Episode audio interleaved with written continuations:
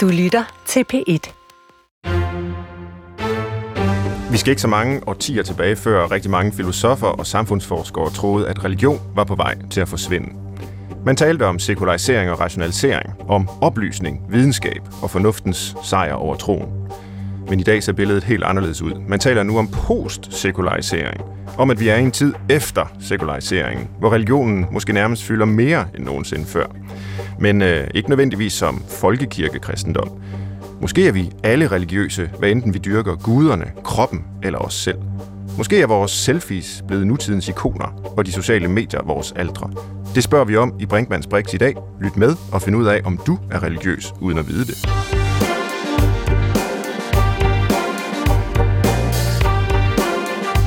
Jeg skrev engang en tekst, hvor jeg analyserede den moderne dyrkelse af selvet, baseret på psykologien, som en slags religion. Og jeg fandt en definition på religion, som jeg lige undtagelsesvis her vil læse op. Den er fra religionshistoriker Armin Gertz, som skrev, at religion er et kulturelt system og en social institution, som styrer og fremmer idealfortolkning af tilværelsen og ideal praksis ved henvisning til påståede transempiriske magter eller væsener. Transempirisk, det vil så sige, det overskrider vores almindelige empiriske øh, erkendelsesevner. Og ud fra den definition kan man måske godt sige, at psykologien er blevet en slags religion for selvet, der som sådan er en slags transempirisk magt, som vi ikke direkte kan erfare. Psykologi er måske blevet en sekulariseret protestantisme, hvor selvet har indtaget Guds plads, hvor terapeuterne har indtaget præsternes plads, hvor psykoterapien har overtaget bekendelsens rolle, og hvor selvrealiseringen er blevet et moderne frelse. Hvis det er sandt, så er vi måske mindst lige så religiøse som i middelalderen, og meget mere troende, end vi måske vil være ved. Vi søger regler og bygger vores liv op omkring, hvis ikke for eksempel i kristendommen, så i selvudviklingen eller sporten. Det er i hvert fald min påstand, som jeg har glædet mig meget til at drøfte med mine tre gæster, som i dag er Peter Lacour, Ph.D. i religionspsykologi, og nu øh, arbejdende som øh, klinisk psykolog. Er det korrekt, Peter? Ja, det er det. Dejligt, du er med. Velkommen til. Tak. Øh, ved siden af dig sidder Anders Nedergaard, som medvirker øh, i programmet, eller som har programmet Fitness øh, MK på 24-7. Der er du vært. Øh, programmet til alle, der træner, og du har også en Ph.D. i human biologi, ikke også? Jo. Velkommen til dig også, Anders. Tak. Og så er der en anden Anders med, nemlig Anders Klostergaard Petersen, som er professor i religionsvidenskab på Aarhus Universitet. Velkommen Jo, tak. til dig. Lad mig lige høre jer alle sammen. Øh, er vi lige så religiøse som i middelalderen? Det er jo min umiddelbare øh, påstand her. Øh, hvad siger du, Peter Lacour?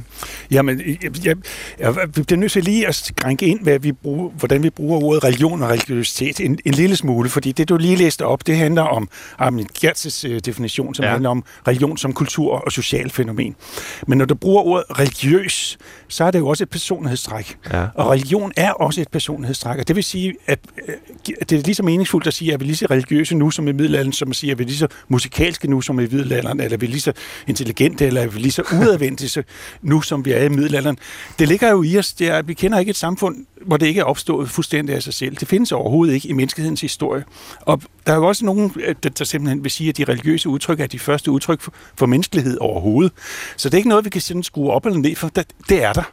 Øh, religiøsitet er en del af mennesket, som ser meget forskelligt ud i kultur og forskellige socio- øh, sociologiske omstændigheder og sådan noget, men det er der. Jeg kan se, at øh, Anders Klostergaard sidder og ser lidt skeptisk ud, så jeg tror, det bliver en rigtig god udsendelse, hvor vi kan diskutere øh, religion og religiøsitet og hvad det overhovedet er. Øh, men hvad vil du sige til det spørgsmål, øh, Anders Klostergaard? Jamen, jeg er umiddelbart enig med, øh, med Lacour, men øh, med, med det forbehold, at det afhænger også af, hvad vi mener med menneske, og fra hvilket tidspunkt vi taler om. Vi har antagelig haft religion med os i en 650-700.000 år, men ikke tidligere. Hvis vi går til de øh, tidlige... Det er jo hom- før homo sapiens, simpelthen. Ja, ja, ja, ja. Men hvis vi går til en række af de tidlige øh, hominine arter, så har vi ikke religion. Vi kan først se det for alvor omkring en 600-700.000 år før vores tidsregning. Og det er sådan noget med øh, pigmentering, øh, farvepigmentering på kroppe, det er noget med øh, levn i forhold til øh, begravelser, og øh, der kan være andre elementer. Man kan muligvis skubbe det helt tilbage til øh, 1,6-1,7 millioner år tilbage, men ikke længere tilbage. Og derfor er man nødt til at have det der forbehold. Ja, vi kender faktisk grupper. Vi kender former for tidlige homininer, som ikke har haft religion.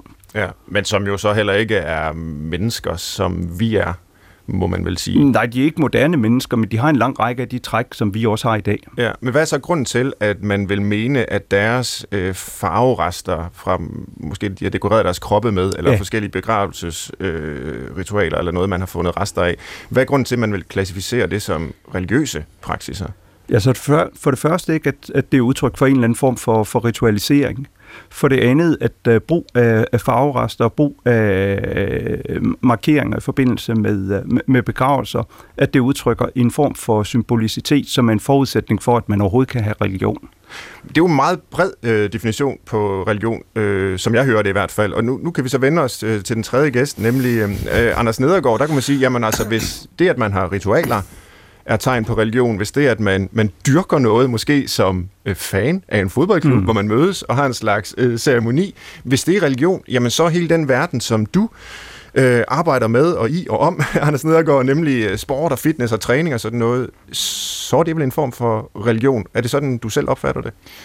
Øh, altså, nu var der, jeg er ikke lige så, hvad kan man sige, øh, humanistisk øh, skolet, men jeg vil nok også gerne holde fast i det der, hvad man skal tale om, hvad religion betyder. Ja. Øh, altså fordi, at øh, jeg tror måske, at noget af det, som Peter vil kalde, at den, det religiøse islet af det moderne øh, liv, uden sådan uh, metafysik og øh, guder og sådan noget, at det er det, som jeg vil kalde sådan den almindelige væren. Øh, Øh, jeg vil måske ikke kalde det religion, men jeg er da enig for så vidt, at, at, at sport og fitness og sundhedsstyrkelse, at det fylder nogle af de øh, sociale, psykologiske, måske endda sådan identitets, øh, altså sådan mæssige øh, øh puller, som, som øh, religionens, eller i hvert fald den, den, altså den udtræden af religionen øh, har efterladt. Mm. Altså at det giver noget fællesskab, og det fortæller noget om, hvordan man skal være mand, måske hvordan man skal være kvinde, og må, måske noget med, hvordan man relaterer til nogle andre grupper i samfundet. Altså,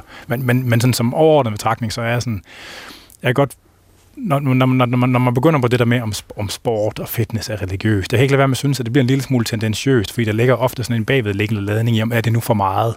Tager det nu for stor en del af folks liv?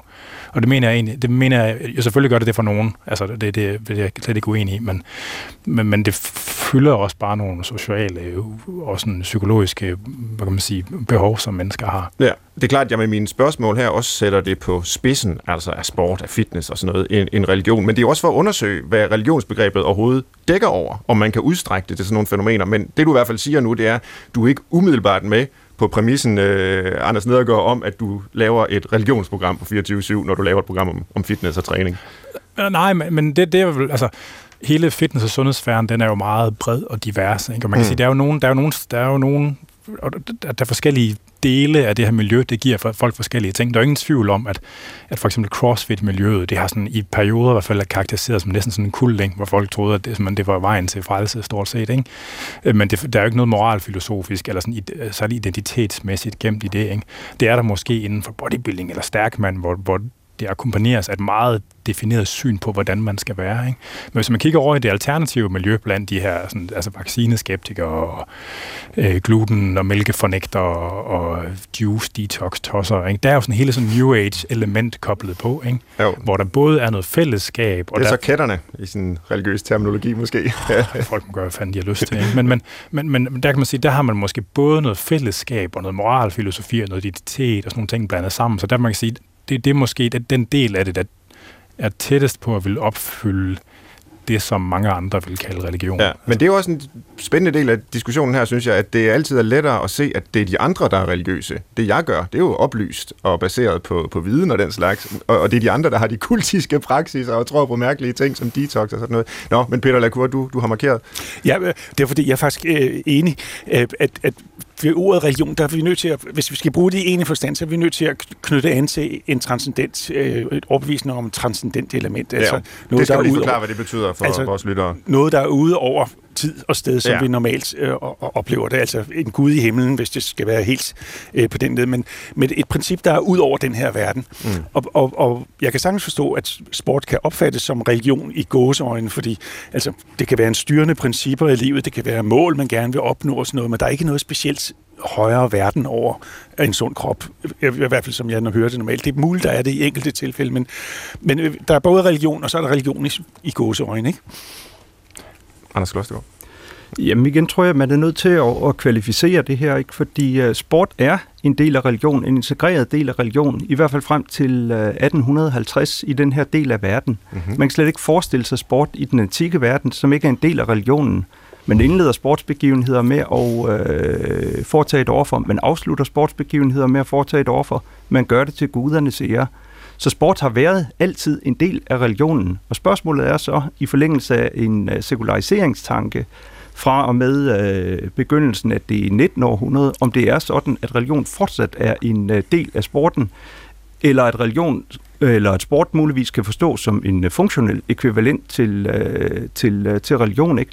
Og der må man jo sige, at jamen, der er en lang række træk i, i religionen, som har en umiskendelig, i sporten undskyld, som har en umiskendelig lighed med, øh, med religion. Ikke? At man har særlige helgen, og man har særlige øh, hellige steder, hvor man kommer af Enfield Road. Øh, nogen får oven i købet spredt deres aske ud. Ikke? Man samles på et bestemt tidspunkt og sådan noget. Ikke?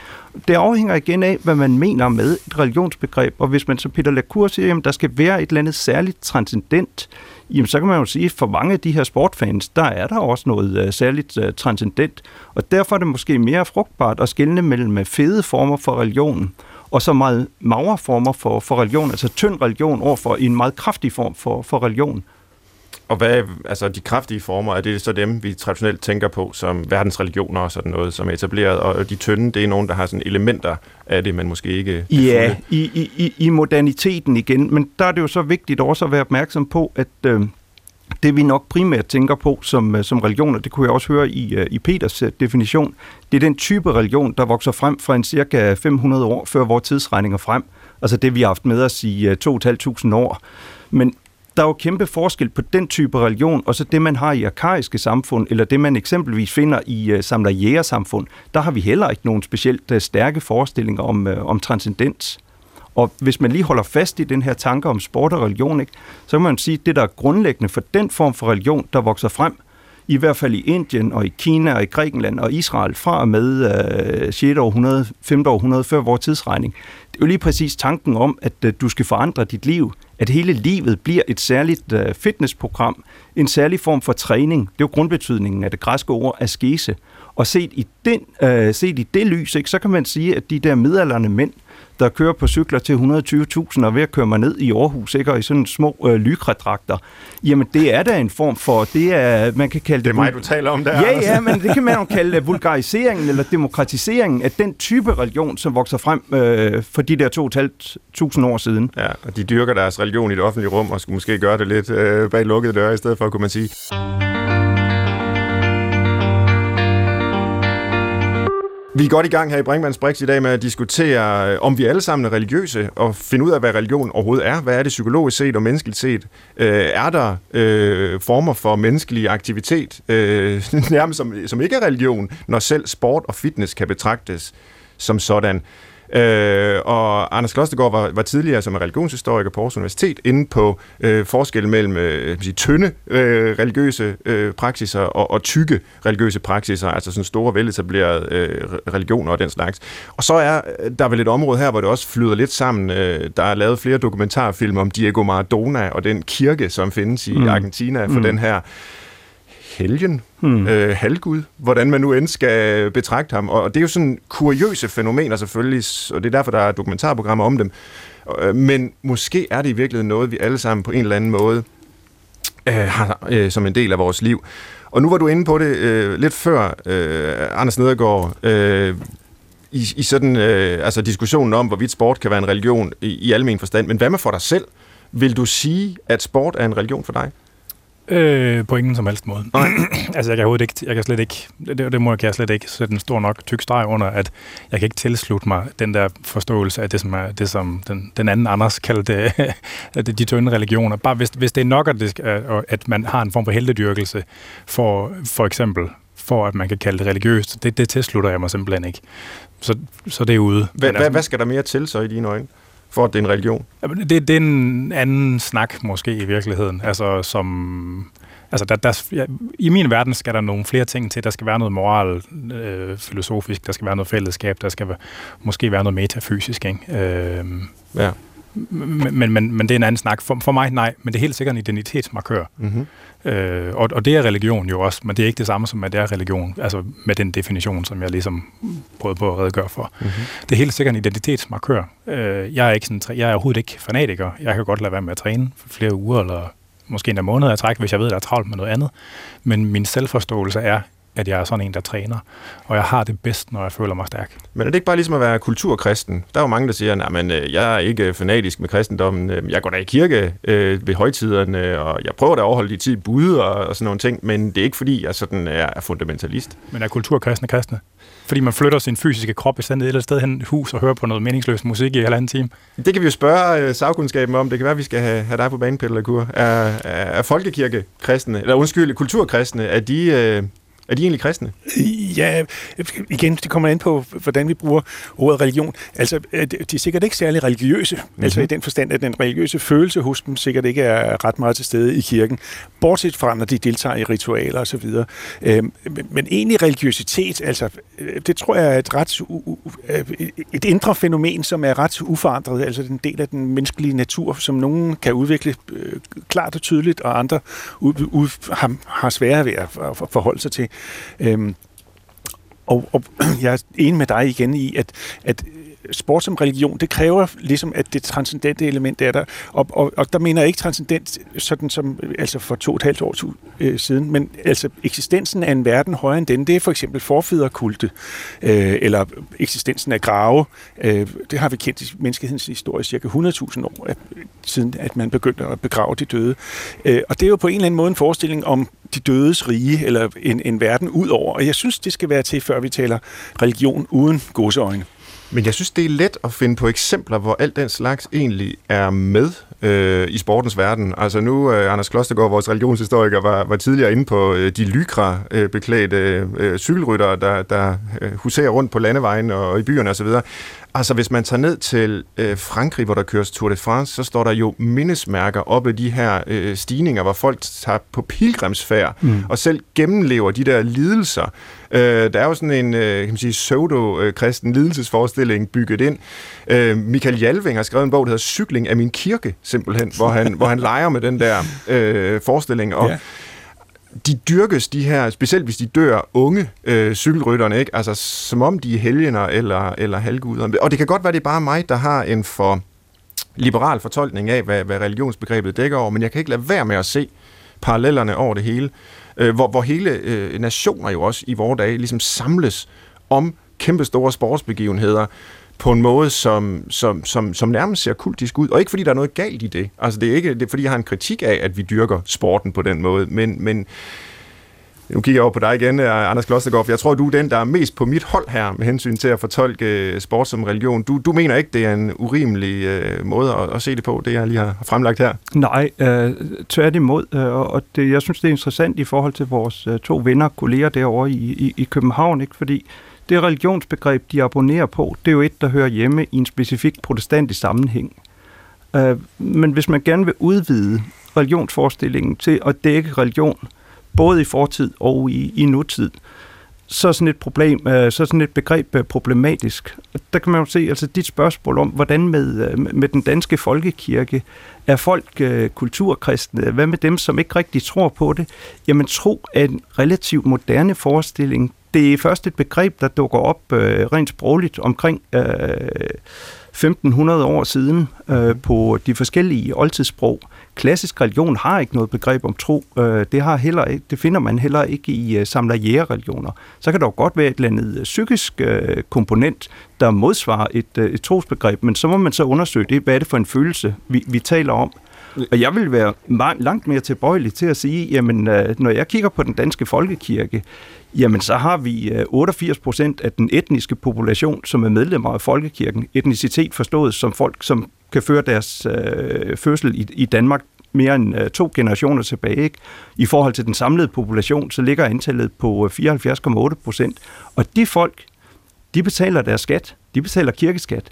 Det er et offer. Det er fuldstændig som i antikken, hvor man gav en ged eller noget andet, ikke? Men nu skal jeg bare lige forstå, hvad argumentet eller synspunktet her er. Altså, at der godt kan være religion uden at være tro. Ja. Og at forestillingen om, om troen som et eller andet, man gør, psykologisk set, mm. eller har i sig. Øh, det er en relativt ny forestilling, altså 1500 år. Ja, 1500 det, det er trods alt noget, ikke? Men, men, men, Om det er et splitsekund i, i- i, i i en forhold til- 6,5 million år lang udvikling. Akkurat, men, men hvad er så øh, religion, hvis ikke den har øh, trosforestillingen med sig? Er, er det i citationstegn bare øh, ritualerne, øh, handlingerne, øh, uden den her indre forestilling, som, som Mm. vi har så i vores del af Mm. verden? Mm. Nej, det, det, det tror jeg ikke, og det mener jeg heller ikke. Øhm,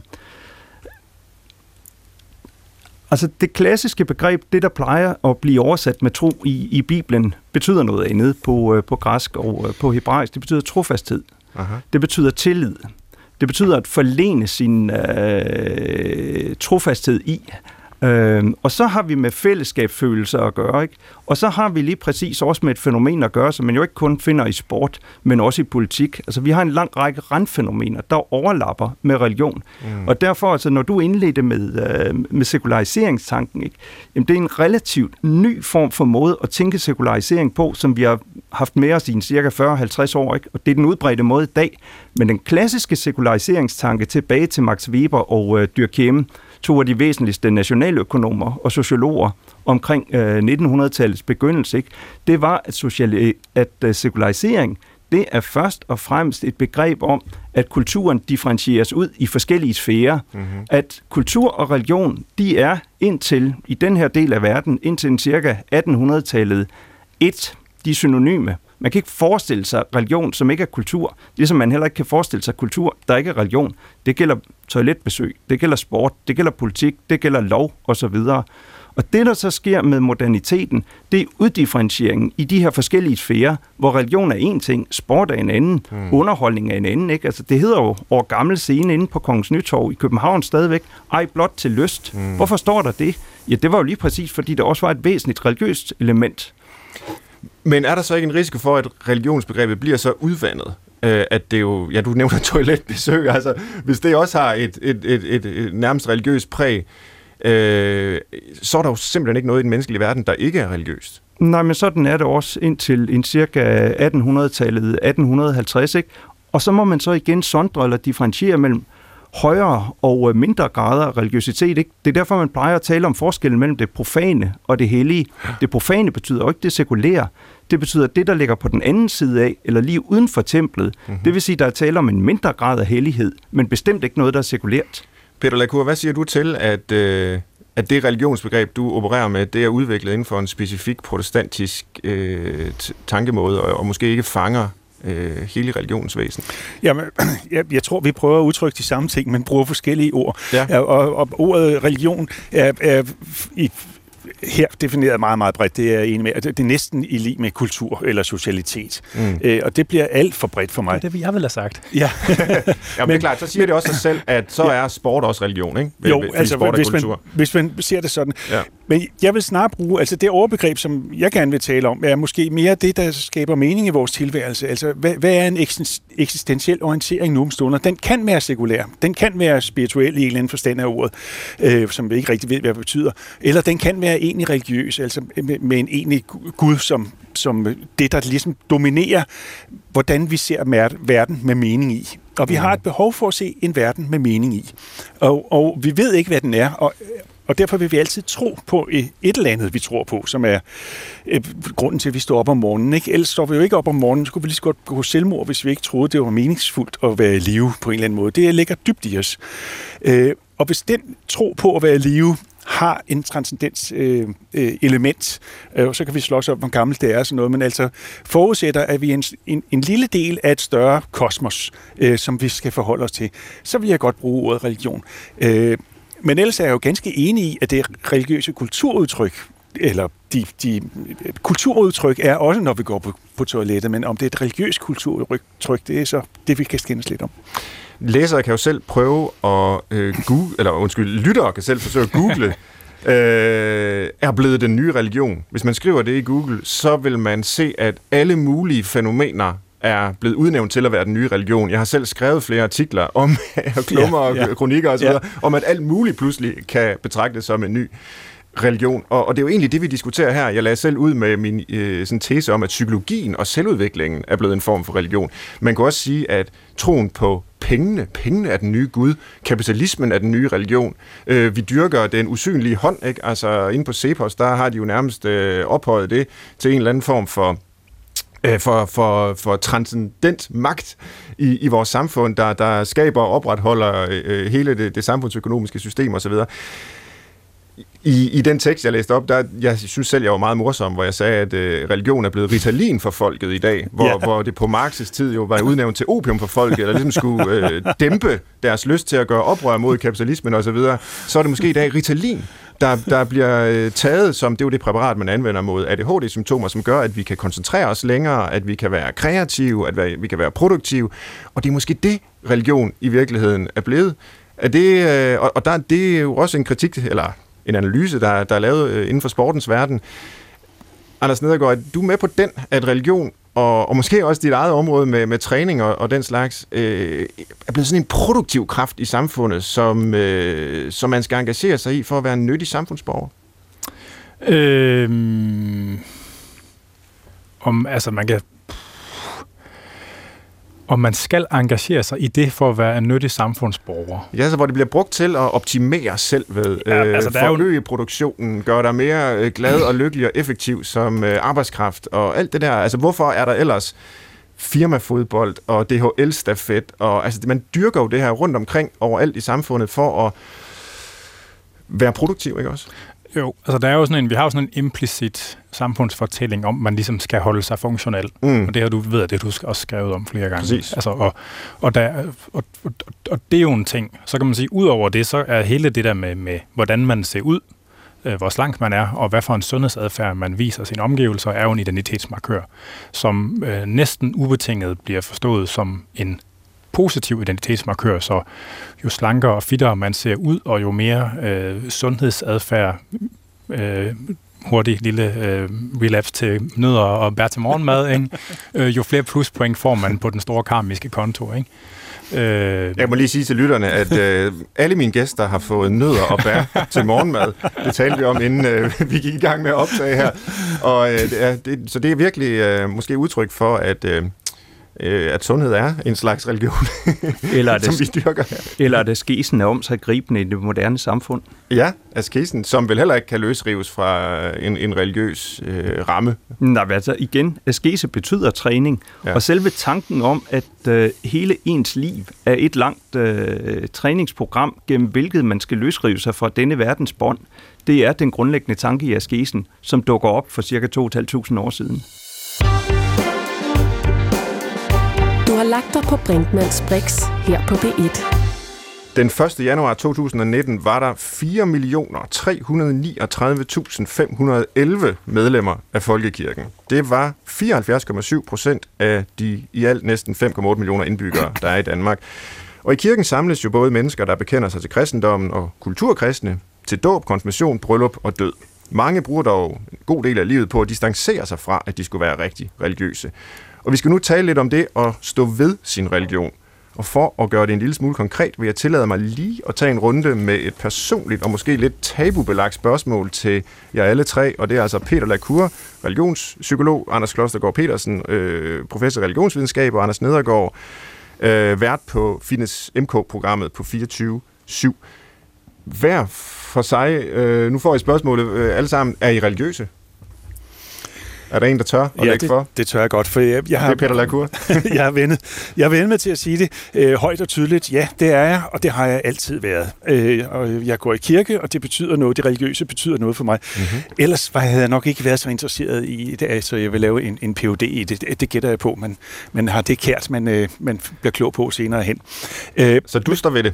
Jeg står fuldstændig ved det, og jeg synes, det er en del af min identitet, og jeg er ikke bange for at sige det højt, selvom det hver gang føles som om, øh, lidt som at tage bukserne af, ikke? at man bliver færdighedskrænket på en eller anden måde. Og det er lige præcis det, jeg er interesseret i. Hvorfor, hvor, hvorfor det er blevet sådan? Men nå, lad os lige tage runden færdig. Øh, Anders Nedergaard, er du religiøs? Jeg er agnostiker. Øh, jeg, jeg vokset op i et, øh, i et hjem, der var religiøst, der var barn. Min fars familie, det var indre missioner. Og jeg gik i søndagsskole som barn med lignelser og hele pivetøjet og det gik gassen lige så stille af, da jeg hørte, at der ikke var nogen, der svarede. Nå, Og der er ikke noget, der viste sig for mig, ligesom. Det, var, det havde altså været det for en var med. Øh, så nu er jeg agnostiker. så altså, og i agnosticismen, der ligger jo så, at du principielt øh, ser ikke mulighed jeg for, ikke- at der findes øh, en religiøs, øh, transempirisk magt, transcendent magt, men, men, men vi kan ikke vide det. det. Er det sådan, du, du ser på det? Præcis. Anders Klostergaard, samme spørgsmål til dig. Nu er det ikke, fordi vi skal øh, bekende vores øh, ståsteder her, men øh, det er jo lidt interessant, fordi det er så tabubelagt. Men hvad, hvad vil du sige til spørgsmålet? Jamen, jeg voksede op i et øh, ukristeligt øh, humanistisk hjem med øh, Vergil og øh, Homer. Ja, Men øh, da jeg så kom der til øh, konfirmationstiden, der fik jeg også at vide, at, øh, at det var helt i orden, at jeg fravalgte det. Men jeg skulle kun gøre det, og måtte kun gøre det under forudsætning af det sted i øh, Homers Odyssé, hvor Odysseus bliver skyllet land på Fajarkernes ø, og siger til sig selv i 6. sang, vers 222 i Vilsters gamle oversættelse, dog er det bedst, jeg selv ser efter at skaffe mig kundskab. Ikke? Så jeg skulle deltage i konfirmationsforberedelsen, og så kunne jeg vælge det fra. Men jeg blev meget optaget af det, Aha. og har opfattet mig selv som religiøs siden, og jeg er faktisk også præst i øh, Folkekirken, ud over at være professor i religionsvidenskab. Mm-hmm. Og hvordan forener du gerningen som præst i Folkekirken med den analyse, du har ja, fremlagt her i løbet af udsendelsen indtil videre, at, at religion er den her elgamle, du sagde måske Mm. op til 600.000 år gammel. Det var jo Mm. lang tid før, der var nogen, der havde hørt om, om, om Jesus og, og var herre på den måde. Mm. Altså, ja og ja. Mm. Øhm, hvordan forener du de to? Altså Mm. den religionsvidenskabelige Mm. side med den teologiske? Mm. Altså punkt et, nu er jeg ikke, øh, jeg er det, der hedder ulønnet hjælpepræst.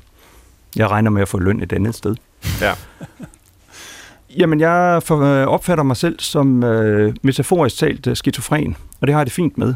Men jeg vil så også hævde, at det er vi alle sammen, og Ja. det er et vilkår, som øh, hører til øh, moderniteten.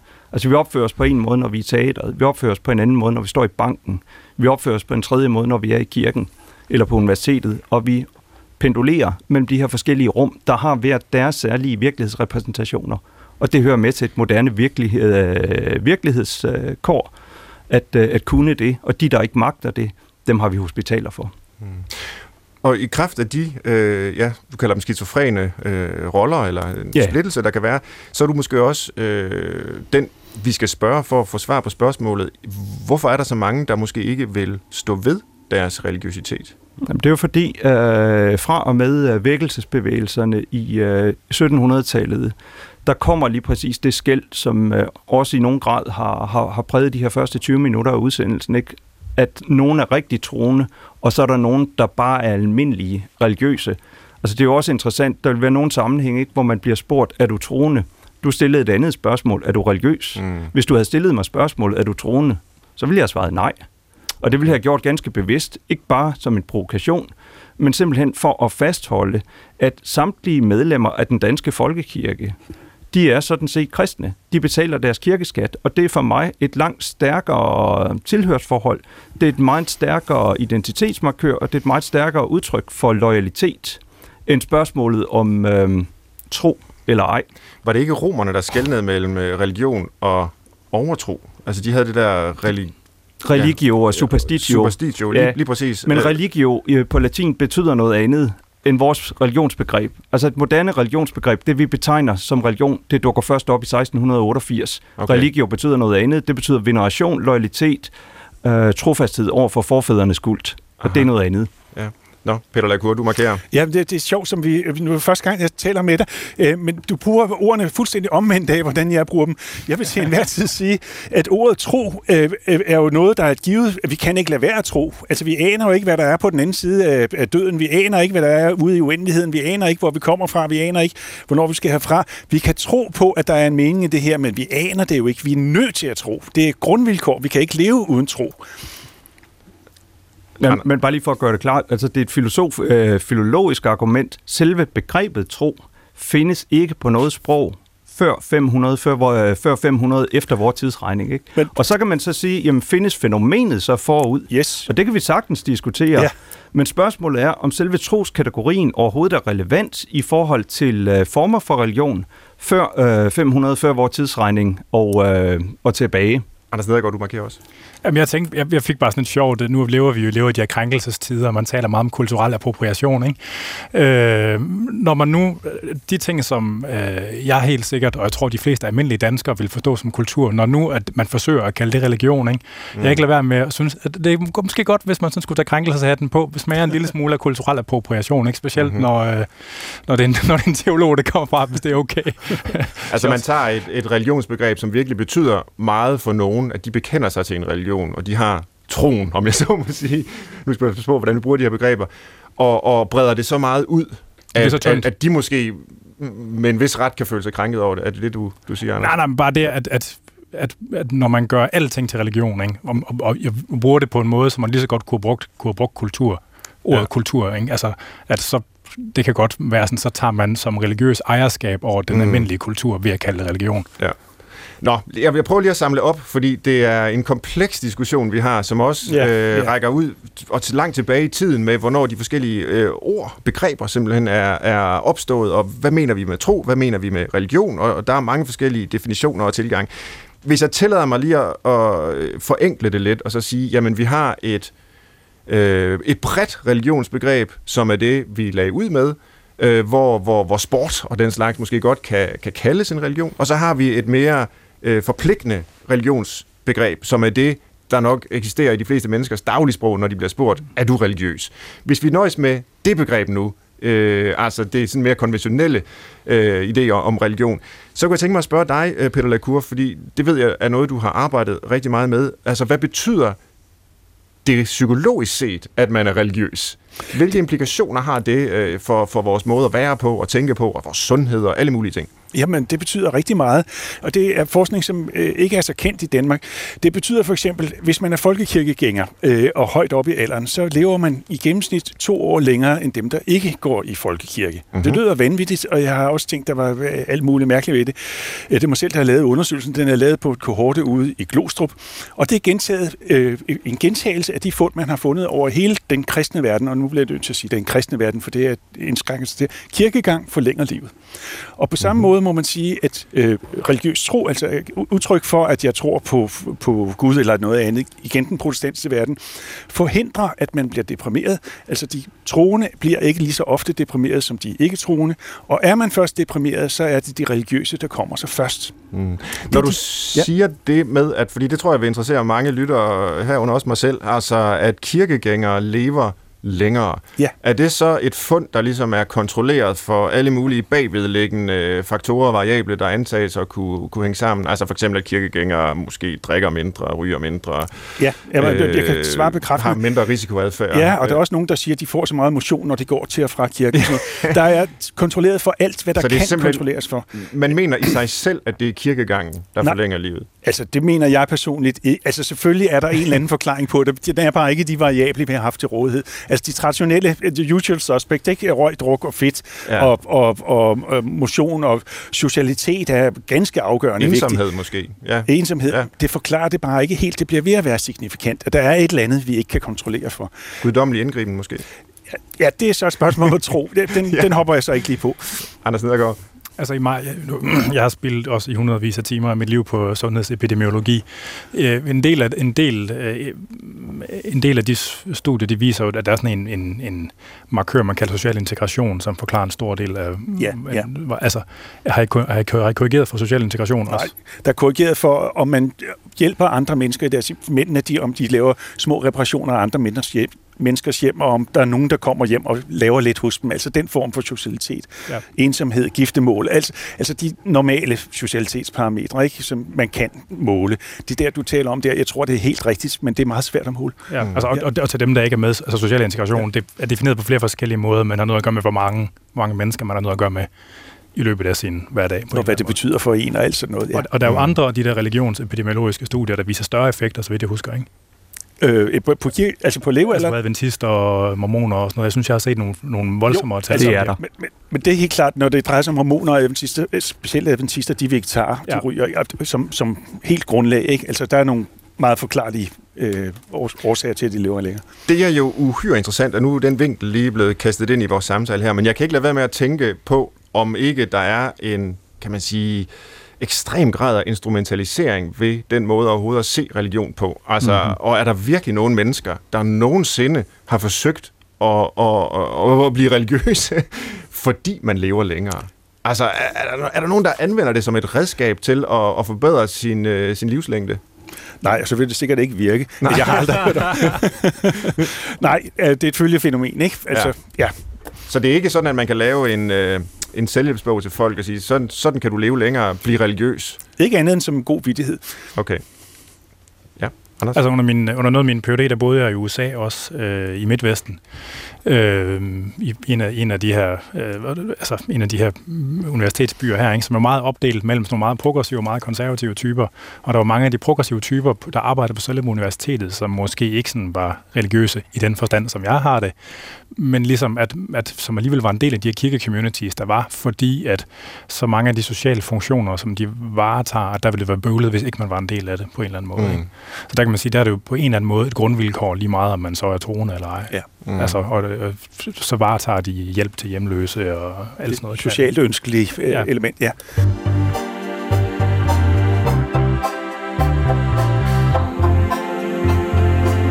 Lad os her til sidst gå ind i tidsmaskinen og rejse lidt frem i tid. Religionerne vil jo givetvis fortsat udvikle sig historisk, men hvordan? Vil de gamle religioner uddø? Kommer der nye til? Vil mennesket overskride sine egne vilkår og helliggøre sig selv som en slags homo deus, gudmenneske, som hævdet af den storsælgende israelske historiker Harari. Han har skrevet en bog, der hedder det, Homo deus. Peter Lacour, Anders Glossegaard Petersen og Anders Nedergaard er mine gæster i dag, og lad mig begynde med dig, Anders Nedergaard du er ikke helt med på præmissen om, at sport er en religion, men heller ikke måske totalt afvisende, hvis vi har den brede version af religionsbegrebet her. Vil du mene, at der ud fra den tilgang fortsat vil, vil, vil kunne tales om, at sport er en religion i fremtiden, eller vil det blive endnu mere noget, vi, vi dyrker og, øh, og, og, og lader strukturere vores hverdag, tror du? Altså, det er min oplevelse, øh, jeg er ikke psykolog, men det er min oplevelse, at folk de gør mere og mere aktiv brug af identitetsmarkører. Mm fordi man ligesom skal bygge sin persona op på forskellige måder. Og på den måde, så tror jeg, at folk, at, at, at det her med at abonnere på forskellige kulturstumper fra forskellige altså sådan, kulturer, det, det, det, det tror jeg er tiltagende. Så ja. Mm. Og det er jo svært ikke at komme til at tænke på det her fænomen, der kaldes transhumanisme når nu du tager fat i det her. Ikke? Og det er jo sådan lidt ved siden af sport, men det er en del af hele den her sundhedsoptimeringsting, ikke? Jo. hvor man prøver på at transcendere den menneskelige tilstand og gøre sig bedre på alle mulige måder. Og der, der kan man sige, der er nok nogle, der vil jeg sige, der er nok nogle tydeligere hvad kan man sige, religiøse islet i det. Altså, og det er sådan et spøjst fænomen, fordi at jeg, jeg, noget af det er ekstremt fysiologisk interessant. Der er blandt andet hele det her område med nootropics, med folk, der bruger forskellige former for farmakologiske stoffer for at gøre sig bedre mennesker. Mm-hmm. Øh, og det, gør, altså, og det spøjse ved det, det er, at ligesom, man kan godt tage Ritalin for eksempel, ikke? og så kan man holde sig vågen længere, og det har faktisk potentielt en gunstig effekt på hukommelsesretention, i hvert fald en periode på nogle typer af ting, og øh, det kan være, at man kan blive lidt mere kreativ, men det er altid på lån tid, og det er altid en bankkonto, man overtrækker. Mm. Øh, og, og, og det går over det, det, det bliver, ender måske at blive sådan en lille smule naturromantisk standpunkt, men det er meget, meget svært at gøre, men, gøre det raske øh, menneske i trivsel bedre. Mm. Det er faktisk så svært, så jeg vil våge at påstå, at som, som, som hovedregel, så kan man ikke. Mm. Så jeg tror, at transhumanismen kommer til at have det sådan svært som fænomen. Øh, Afhængig af, hvor mange penge Google putter ind i det selvfølgelig. Ja, altså vi har tidligere lavet et øh, program øh, i Brinkmanns Brix her om, om posthumanisme og transhumanisme og hele den der tendens til at ville, over, ville overskride de menneskelige vilkår teknologisk, videnskabeligt, med, med øh, farmakologiske påvirkninger, som du er inde på, øh, dybdestimulation, genetisk manipulation, kunstig intelligens, som vi kobler os ind på osv. Når man læser, hvad de mennesker skriver, der arbejder med det, så synes jeg, det er svært ikke at se den religiøse øh, puls dunke. Altså mm. ja, ja. over i Singularity University, så, mm. så, som et af de der hubs hedder, hvor, hvor mange af de her tanker er samlet. Ray Kurzweil, der har grundlagt det, siger jo helt eksplicit, målet er at skabe evigt liv. Altså, hvor kender vi forestillingen om evigt liv fra? Jamen, det gør vi jo selvfølgelig fra, fra religionens trosforestillinger. Øhm, hvordan ser I, nu kan jeg så vende mig mod religionshistorikeren og, og bede dig om at fremskrive øh, historien en lille smule, Anders Klostergaard. Hvordan, hvad vil den teknologiske udvikling betyde, tror du, for, for, vores, for vores religioner? Oh, hvis jeg havde svaret på det spørgsmål, så var jeg ikke kommet her uden at, uden at bede om et klikkeligt honorar. Øhm, Altså, religioner kommer og går, det har de altid gjort. Og de religioner, vi har med os i dag, de er de rene vorharer, sammenlignet med en lang række af de religioner, som er, som er forsvundet. Altså, der vil ske to ting. Hvis man først kigger på det, det mere magre, det tynde øh, religionsbegreb, så vil der være nogle af de mere traditionelle religioner, der vil forsvinde. Hvis man kigger på det fede religionsbegreb, der hvor religion og kultur i vid udstrækning er sammenfaldende, jeg sagde i vid udstrækning, de er ikke sammenfaldende størrelser. Jeg kan ikke forestille mig samfund, fællesskaber uden religion, hvis religion vel og mærke defineres som gruppens basale normer, dens konventioner, dens regler, dens værdier og dens idealer. For det er en forudsætning for, at, den, at vi overhovedet kan tale om en gruppe. Og hvis den gruppe ikke bare skal være et øh, selvspejlende, men have en forestilling om, at det, den bygger på, ligger uden for gruppen selv, så har vi religion, mm-hmm. og det vil fortsætte.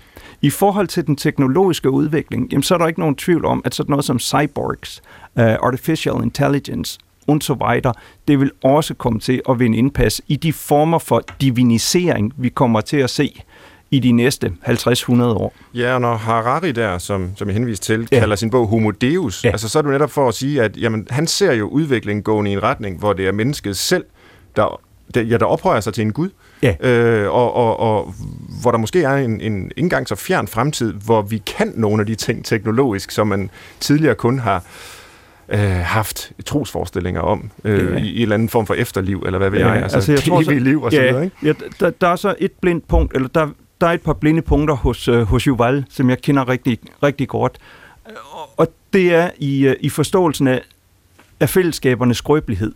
Og det er måske der, religionerne har haft deres allervæsentligste funktion gennem det meste af menneskehedens øh, historie. Ja. Ikke som noget naturligt. Vi er ikke psykologisk naturligt religiøse, men som et evolutionært biprodukt, der bare viste sig at have en utrolig adaptiv funktion.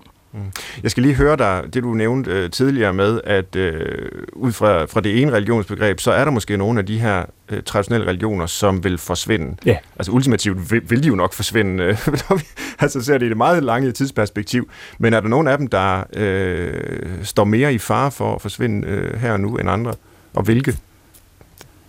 Jeg tror ikke, man kan tale om det øh, så, som verdens religioner, fordi det, er meget, øh, det vil være meget lokalt bestemt, okay. øh, og det vil afhænge af sociomaterielle forhold, geopolitiske øh, selektionspres og sådan noget. Ikke? Så kan man gå ind og pege på, jamen er der nogle bestemte steder, hvor nogle religioner er mere i fare end andre? Ikke? Jamen jeg er eksempelvis ret overbevist om, at øh, kristendom kommer til at forsvinde i Mellemøsten. Jeg er ret overbevist om, at kristendom kommer til at forsvinde i Nordafrika. Men okay. kristendom som sådan kommer ikke umiddelbart til at forsvinde. Nej. Peter Lacour, du markerer. Ja, jeg vil gerne have det lidt ned på jorden igen, ja. øh, øh, og tale som psykolog. Ja. Fordi hvor jeg som psykolog ser, at det betyder noget, det er for eksempel, når folk bliver alvorligt syge, eller hvis de skal kæmpe med kronisk lidelse, øh, smerte for eksempel, gennem et langt forløb, som ser meningsløst ud, og hvor deres liv har knækket, øh, og hvor, hvor den verdensorden, de hidtil har levet med, de ønsker for deres liv, de hidtil har levet med, pludselig øh, ikke dur længere. Så skal man reorientere sig. Og der ved vi traditionelt, at der øh, øh, kommer de religiøse tematikker tematikker op, som man nu har haft med i sin barndom, eller hvordan man nu har haft det med. Og det forsvinder ikke. Det er selvfølgelig et grundvilkår for mennesker, at vi skal relatere til, at vi dør. Så er det måske øh, lidt uheldigt at bruge ordet religion om det, der sker i den situation øh, i det moderne Danmark eller det moderne Skandinavien. Jeg kommer lige fra en øh, religionspsykologisk kongres, og der var det tydeligt, at vi forskere fra Skandinavien meget hellere vil tale om eksistentiel orientering mm-hmm. øh, som, som overbegrebet. Når folk er syge og skal finde mening i et liv, som er kaotisk, så skal de orientere sig eksistentielt, og det kan være en religiøs orientering. Det kan også være en sekulær orientering, som for eksempel at gå op i sport, hvis det vi skal placere det. Øh, sportsorientering er en, øh, altså at, at sport fylder noget som meningsgiver i ens liv, kan jo sagtens være en orientering, man har.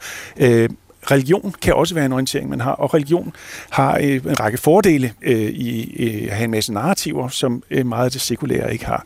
Men det forsvinder ikke. Selvfølgelig gør det ikke det.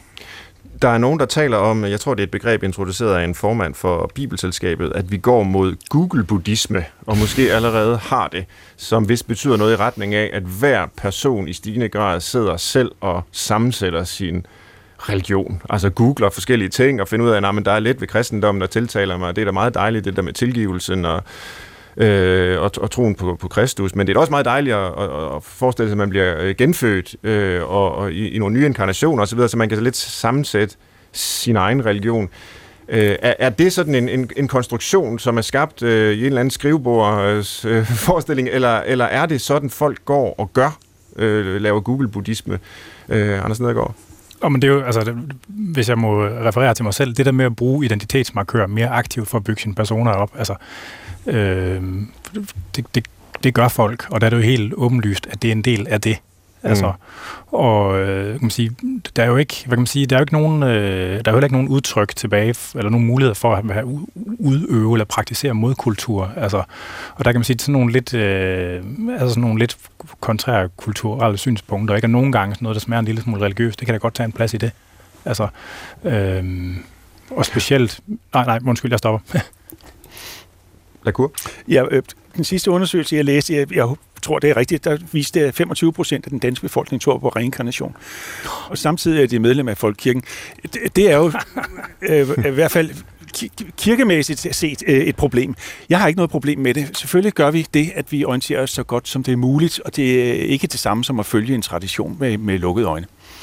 Nej, fordi altså, gør det noget? Du tager det lidt, øh, til, tager det lidt op, Peter Lacour. Altså, kunne man ikke bare sige, jamen, øh, det er bare en øh, konsekvens af individualiseringen og globaliseringen, og vi får et udsyn til øh, alverdens ting, og jo, har det jo altid været sådan, at man måske har haft mange forskellige guder, der har været meget mere lokalt forankret, og nu er vi så bare på flere lokaliteter, og i Japan har de jo altid troet på både det ene og det andet på en gang. Altså, jeg har det jo selv sådan, at jeg synes, at der er et eller andet tab forbundet med sådan en Google-buddhisme. Altså, hvorfor ikke, hvis man er religiøs, så ligesom acceptere den øh, det rammeværk, som man fødes ind i og, og får tilbudt. Øh, jeg, jeg begræder jo sådan set personligt selv lidt den her individualisering, men, men måske er det uden grund, hvad siger Anders Klostergaard? Ja, altså jeg tror ikke Google-buddhismen er et nyt fænomen. Vi har Nej. kendt den siden antikken. Altså folk har altid haft deres øh, særlige måde at, øh, at tænke religion og formulere religion på. Det er jo en del af baggrunden for, at man har præsteskaber præsteskabet betaler man for at uh, være i overensstemmelse med uh, religionens uh, doktrinære niveau, og så kan vi andre i øvrigt tænke, som vi vil. Det er der ikke noget nyt i. Man kan så sige, at der er sket en, en forstærkning af den tradition, ikke fra med romantikken. Altså det er der, det egentlig begynder, ikke? Kasper David Friedrichs ensomme vandringsmænd, der spacerer ud af lærredet, eller Kirkegårds uh, figur, der, der tager springet ud på de 70.000 uh, fagne vand. Uh, der får vi så en uh, tematisering, eksplicit tematisering af, af individet, som den, der, der træffer nogle bestemte valg, selv sammensætter sin uh, politik, selv sammensætter sin religion. Men det er jo ikke specifikt i forhold til religion, det gælder alle livsområder. Ikke? Og det er sådan set bare sekulariseringen, der i første omgang er et spørgsmål om uh, kulturens uddifferentiering i forskellige domæner og værdisfærer, der slår igennem også på individniveau. På hos det enkelte menneske, ja. ja. Må jeg lige spørge først til de der med 25 procent, der tror på reinkarnation. Det kunne være interessant at vide, hvor gamle de var, og det kunne være interessant at vide, hvad deres rationaler var, fordi at jeg tror, at de fleste af dem det er ikke fordi, der ligger nogle dybere metafysiske nej, nej. overvejelser bag. Det er fordi, de ikke øh, de har kognitive dissonanser, de kan ikke rumme, at øh, der er game over på et tidspunkt. og så er det den letteste slutning at nå frem til. Det kan jeg ikke svare det, det vil jeg gætte på. Jamen, det, og det ved jeg ikke noget om, men jeg ved, at de er de, de, de yngste, der svarer mest. Altså de ja. yngre generationer, så kommer man op på 33 procent. Det er også men, dem, men, der er blevet reinkarneret for, ja. for nyligst jo. Nå, men, men de men, ved men, jo heller ikke, altså begrebet, deres begreb om reinkarnation modsvarer jo ikke et klassisk begreb om reinkarnation. Altså det er et meget vulgariseret reinkarnationsforhold. Det er som regel aldrig nogen af dem, der forestiller sig selv i en ringere situation. nej, nej, men, men det, altså unge mennesker, de tror jo også, eller, eller kan man sige, jeg ved ikke, vi er jo ikke unge længere, men, oh. men, men, men det der ligesom med, at man er unikke, glitrende snifnukker, alle er vigtige, og alle har deres plads i, altså hvis det er det syn, man har på verden, ikke? Og, og den der persona, man har bygget meget grundigt op igennem lang tid, øh, så er det også sværere at rumme, at det hele det bare stopper på et tidspunkt, og så er der slukket. Ja. Altså det, det, det, det giver mening, hvis det er det view, view, man har på verden, at man er mere disponeret for at være tvunget til at tage det standpunkt, at der skal reinkarnation, fordi altså, så har man mindre kognitiv dissonans. Og vi andre, ja. og vi andre ja. synes, det er familien, at på et eller andet tidspunkt, så må det her gale værk stoppe. Præcis. ja, det giver en vis trøst. Men Peter Lago, du får lov lige ja, at runde, runde må, der, der er to spørgsmål, som jeg har synes øh, var, var de religiøse kernespørgsmål, som de ligesom skal svare på. Det ene spørgsmål er, hvad sker der efter døden? Det ved vi simpelthen ikke, og der skal religionerne komme med et bud på en eller anden måde for, for at være et trosystem. Og det andet er, et grundspørgsmål, det er, hvad er forhold til de andre religioner? Der er jo ikke to religioner, der kan være 100% sande på samme tid. Øh, og der er mange religioner. Øh, og, og det der med at gå ind i en religion, som du sagde, Svend, er jo på en eller anden måde også at give sig selv skyklapper på. Altså at mangle, øh, stille, nægte sig selv at stille de gode spørgsmål. Som for eksempel, hvad sker der efter døden?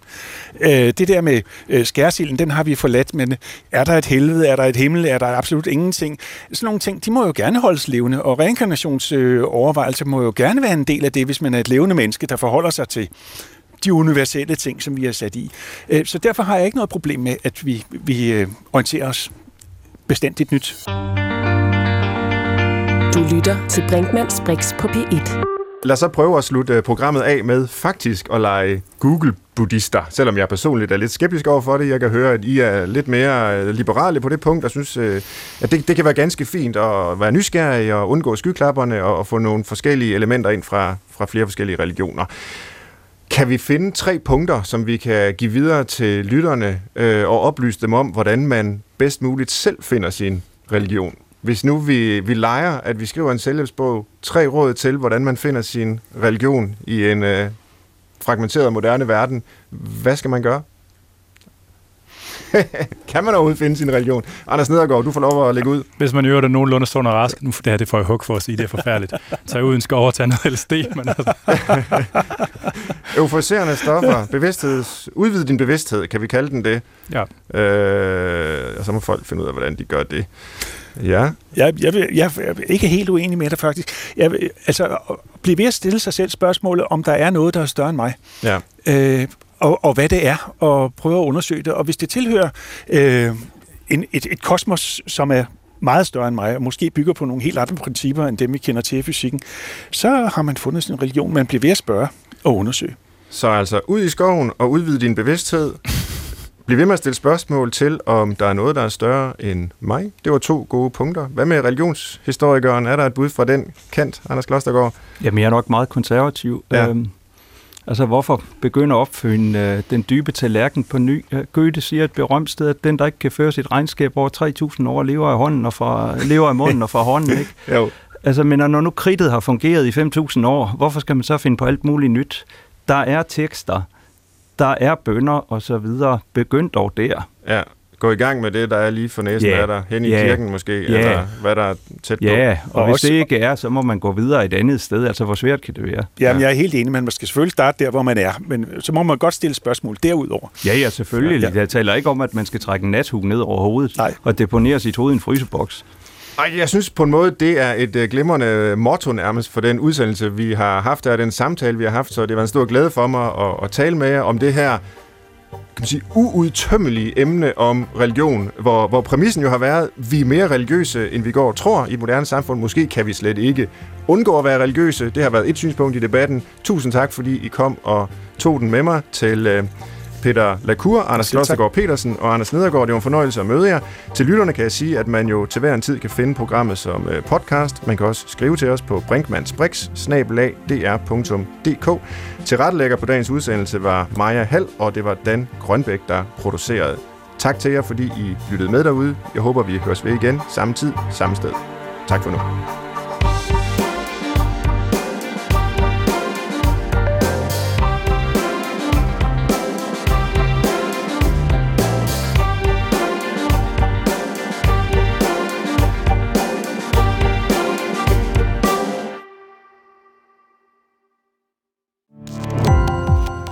Gå på opdagelse i alle DR's podcast og radioprogrammer. I appen DR Lyd.